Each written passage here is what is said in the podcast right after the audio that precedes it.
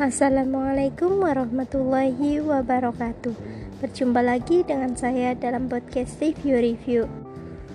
Pada episode keempat ini, kita akan membahas tentang aspek-aspek administrasi bagian kedua yang pembahasannya meliputi komunikasi dan koordinasi, efektivitas dan efisiensi, serta kinerja dan produktivitas. Langsung saja kita masuk dalam pembahasan ya teman-teman. Komunikasi dan koordinasi akan selalu ada dan terjadi dalam kehidupan sehari-hari. Seperti contohnya antara atasan dan bawahan, pasti akan terjadi silang hubungan antara keduanya yang pada akhirnya akan melahirkan sebuah koordinasi. Koordinasi adalah kegiatan pengelolaan di dalam sebuah organisasi. Di dalam koordinasi terdapat tujuan yang akan dicapai. Untuk mencapai tujuan tersebut, maka dibutuhkan sebuah komunikasi. Tujuan dari koordinasi tersebut yaitu untuk mengarahkan atau menyelaraskan. Di dalam sebuah koordinasi sudah pasti ada komunikasi akan tetapi, dalam sebuah komunikasi belum tentu ada sebuah koordinasi. Efektivitas dan efisiensi dapat dikatakan efektif ketika sebuah tujuan sudah tercapai.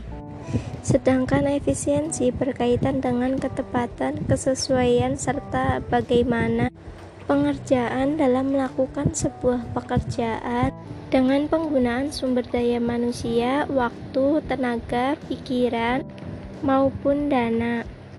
Dapat dikatakan efisien ketika input lebih besar daripada output. Kinerja dan produktivitas. Kinerja adalah bagaimana kemampuan dalam melakukan pekerjaan sesuai dengan tupoksi yang ada.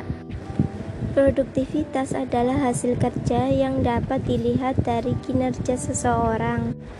Kinerja dapat diukur dengan membandingkan antara output dan waktu, sedangkan produktivitas dapat diukur dengan membandingkan antara output dengan input. Terdapat tiga level atau tingkatan dalam kinerja, yaitu kinerja individu, kinerja proses, dan kinerja organisasi. Menurut Bernardin dan Russell dalam Behua tahun 2016, terdapat enam kriteria mengukur kinerja, yaitu dilihat dari quality, quantity, timeless, cost effectivity, need for supervisor, dan interpersonal import. Penilaian dari suatu produktivitas dapat dilihat dari kuantitatif maupun kualitatifnya. Cukup sekian podcast kali ini. Sampai berjumpa pada podcast selanjutnya. Wassalamualaikum warahmatullahi wabarakatuh.